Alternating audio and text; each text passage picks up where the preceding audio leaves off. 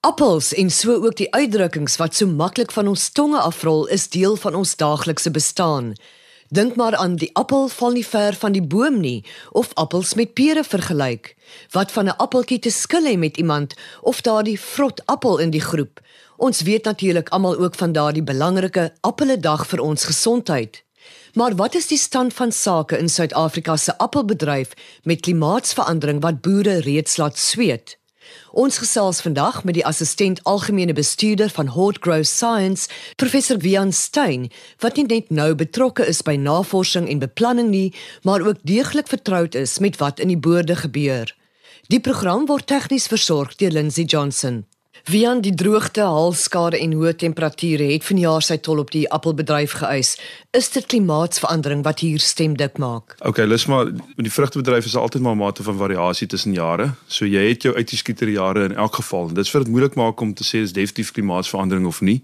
Mens kyk na tendense en temperature is daar reeds tendense dat dit oor 'n tydperk begin warmer raak. Maar in terme van reënval en sulke goed en haal en so voort, is dit bietjie moeiliker om te weet of dit nou al direk klimaatsverandering is of nie doen julle spesifiek toetse om te bepaal of klimaatsverandering 'n wesenlike uitwerking op die appelbedryf het? Um van my kollegas um, met data ontleed van weerstasies, so hulle het 'n goeie idee van die temperatuurveranderinge oor tyd. Mense moet op langtermyn kyk hierna, want dis basies maar waar volgens mens gaan. Watse gebiede word die ergste geraak in hierdie stadium? Kan hierdie stadium op die huidige stadium waar wat ons sit vir dit almal 'n bietjie in die winter gereën het, is die lang kloof in die Oos-Kaap definitief die slegste af. Daarna toe die Kouga dam is maar 7% vol en die lang kloof produsente word in die gesig gestaar met 'n potensiële groot inperking van hulle water. In die Wes-Kaap is die boere baie meer optimisties nou na die reën. So ons moet sien hoe die seisoen uitrol. Ehm um, elke seisoen is nie en die pryse was ja adviesaak nou vir weer die verswakkende rand op die uitvoermark nogals redelik goed geweest. Oor watter gebiede is julle die meeste bekommerd in die langtermyn? OK, in die langtermyn dink ek is die grabou wat appels aan betref, is die grabou streek miskien die meeste sensitief ten opsigte van temperature wat verander, veral verwarmende wintertemperature en ook hoë somertemperature. Ceres sal altyd koud genoeg bly vir vir appelproduksie, maar daar is die risiko weer water. In die Langkloof is dit ook water wat potensieel die grootste risiko is. Wie aan jy praat nou van die koue wat appels nodig het, van koue eenhede. Wat yes. beteken dit? OK, um, die meeste bladwisselende plante gaan deur 'n mate van rus deur die winter. En die slegste ding wat in 'n plant kan gebeur wat rus is om wakker te raak in die middel van die winter is daar 'n bietjie van 'n van hitte is en dan is dit weer koud daarna. Dan kan die plant skade kry. So die plant het hierdie ingeboude meganisme om aan die slaap te bly en hulle raak eers wakker indien hulle sekere hoeveelheid koue gekry het. En die koue moet wees in sekere temperatuurreeks tussen 2 en 7 grade en dan moet dit op die dag wat dit nou die aand wat dit koud was, moet dit die volgende dag ookie weer warm raak want dan hef dit die koue op. En appelbome het enigiets nodig van 1000 koue eenhede of ure by die gegee temperature tot so 500 se kant toe. Dis omtrent die die hoeveelheid koue wat nodig is. Om terug te kom by klimaatsverandering en die langtermyn uitwerking, wat stel julle voor as moontlike oplossings of teenvoeters? Die langtermyn oplossing is uh, beter genetika. So nuwe kultivars wat lae koubehoeftes het. As mens byvoorbeeld selfs kyk na kersies, toe ek groot geword het, was dit iets wat mense geplant het op heel koudste plekke in die Oos-Vrystaat. Deesdae is daar kersies wat baie goed groei by Ny, um, by Woester, baie lae koue behoefte en dit het die kersiebedryf heeltemal omvorm. Dieselfde met bloubessies, dit is ook iets wat jy deesdae oral omtrent kan plant.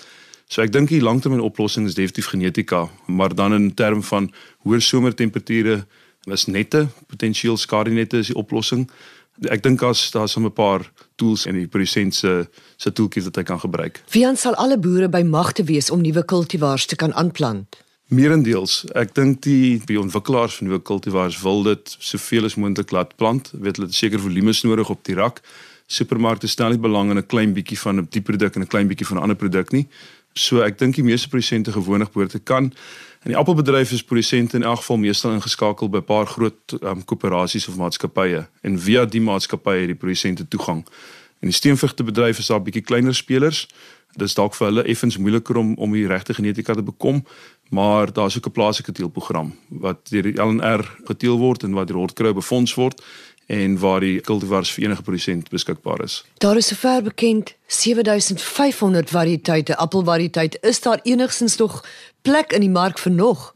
Ja, kyk, dis miskien hoeveel kultivars sal bekend is, maar bittermin van is regtig groot skaal kommersieel. As mense gaan kyk, die lys internasionaal van die kultivars wat beskikbaar is, dan is daar 'n paar wat groot is reg oor die hele wêreld. Jy weet wat noemenswaardige getalle. So eintlik is dit net 'n paar groot rolspelers en dit is verskriklik moeilik om 'n nuwe kultivar op die wêreldmark te kry. Um 'n goeie voorbeeld is Scripps Pink met die handelsnaam Pink Lady wat ek dink wel genoeg bekend is.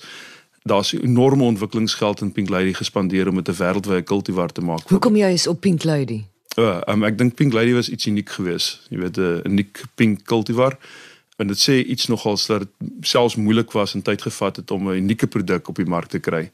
Golden Delicious is 'n ou variëteit, Granny Smith is 'n ou variëteit en steeds is hierdie variëteite van die grootste spelers op die wêreldmark. Golden Delicious bly steeds die mees gewilde appel wêreldwyd. Ja, dit hang tot 'n mate af of mens China se syfers in in reken. China is produseer meer as 'n derde van die wêreld se appels. So wat ook al daar geproduseer word is uiteraard, jy weet, baie keer een van die grootste variëteite. Golden is definitief onder die top 3 kultivars in die wêreld nog steeds. Glo jy ons appels gaan dieselfde bly proe dat die gehalte onveranderd sal bly met al hierdie nuwe kultivars en met klimaatsverandering en al die uitdagings? Wel goeie nuus vir verbruikers is dat die variëteite waarskynlik gaan beter raak, die smaak gaan beter raak. Die seleksies wat deesdae geëvalueer word is absoluut opgemik om beter smaakervaring vir die produsente te bied en dis die groot fokus.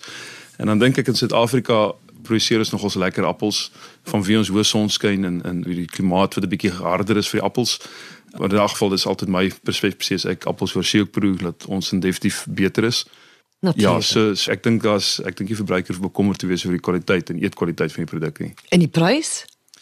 Ja, die prys moet soos alles gaan die prys waarskynlik duurder raak. Um oor tyd, maar ek dink nie noodwaardig vinniger of stadiger as enige ander produkte nie beskikbaarheid van appels in Suid-Afrika, weet ons produseer meer as genoeg vir die plaaslike mark en dan voer ons omtrent 40% van die produk uit.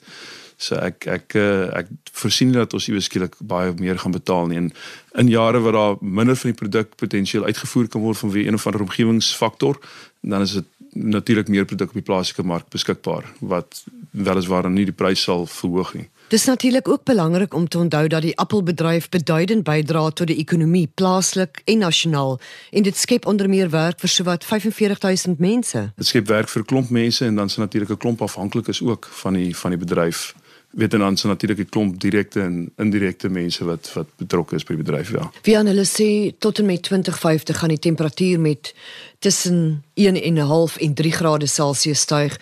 Is jy steeds positief en optimisties oor die appelbedryf? Ja, nee, definitief. Soos ek genoem het, ek dink die nuwe genetika gaan ons baie daai help waarskynlik. Maar dan die sagte vrugte produsent ook reël wat ander opsies is as as net appels. So ek verwag dat redelik mense gaan aanhou appels produseer, maar daar's ook opsies soos pere, steenvrugte en dan selfs 'n hele paar ander gewasse. Ek dink die groot beperkende faktor gaan wees die beskikbaarheid van water. Uh, dis in ons langtermynbeplanning is dit die faktor wat ons in die oog moet hou as waarskynlik die mees beperkende um, in die toekoms vanweer die groter vraag, potensieel laer reënval.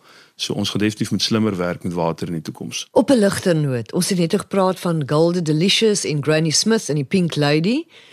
Waar kom die naam Granny Smith vandaan? Ah oh ja. Granny Smith is 'n toevallige saailing wat ontwikkel is of ontdek is, kan mens maar sê in Australië baie lank terug, 17 something. So Granny Granny is al redelik oud. Ehm um, en waarskynlik is dit weet ek die spekulasie gaan so dat dit 'n spontane saailing is van weet in die vroeë jare was in die yskaste nie. So die mense het basies die vrugte op 'n bed van strooi in die grond begrawe gedurende die winter of strook boor gesit en grond bedek en die grond gefriesde grond en dan soos 'n yskas gefunksioneer om die vrugte jy weet eh, reg te hou. En waarskynlik is Granny Smith um een wat agtergebly het en nie uitgehaal is nie. Dalk is dit 'n vrot appeltjie wat gelos is in die grond en die saad het ontkiem en Granny Smith het so ontstaan. Hulle weet nie regtig wie die ouers was nie. Ehm um, maar hulle vers verwag of ek daar spekulasie laat dit een was 'n Franse wat hulle noem 'n crab apple wat eintlik meer 'n weet 'n blomappelsoort is wat gebruik word vir vir cider of bestuiving en sulke goed. Appelbome is al sedert Jan van Riebeeck se dae deel van die Suid-Afrikaanse landskap en ons daaglikse kosmandjie. Soos Wian ook verduidelik het, benodig appels koue winters en betreklik koel somers wat stadig maar seker deur klimaatsverandering gepootjie word. Hoewel organisasies soos Hotgrow boere help om vir die langtermyn te beplan, is die toekoms maar onseker. 'n Goue draad loop egter deur al ons programme. Ons boere is innoverend. So ons hoop al die appelboere wat luister sal saamstem met Martin Luther wat gesê het: Al breek die wêreld môre in stukke, ek sal altyd my appelboom plant. Die program word deur die Wes-Kaapse Departement van Landbou ondersteun. Ons groet tot volgende week. Onthou die aarde is kosbaar. Kom ons bewaar dit.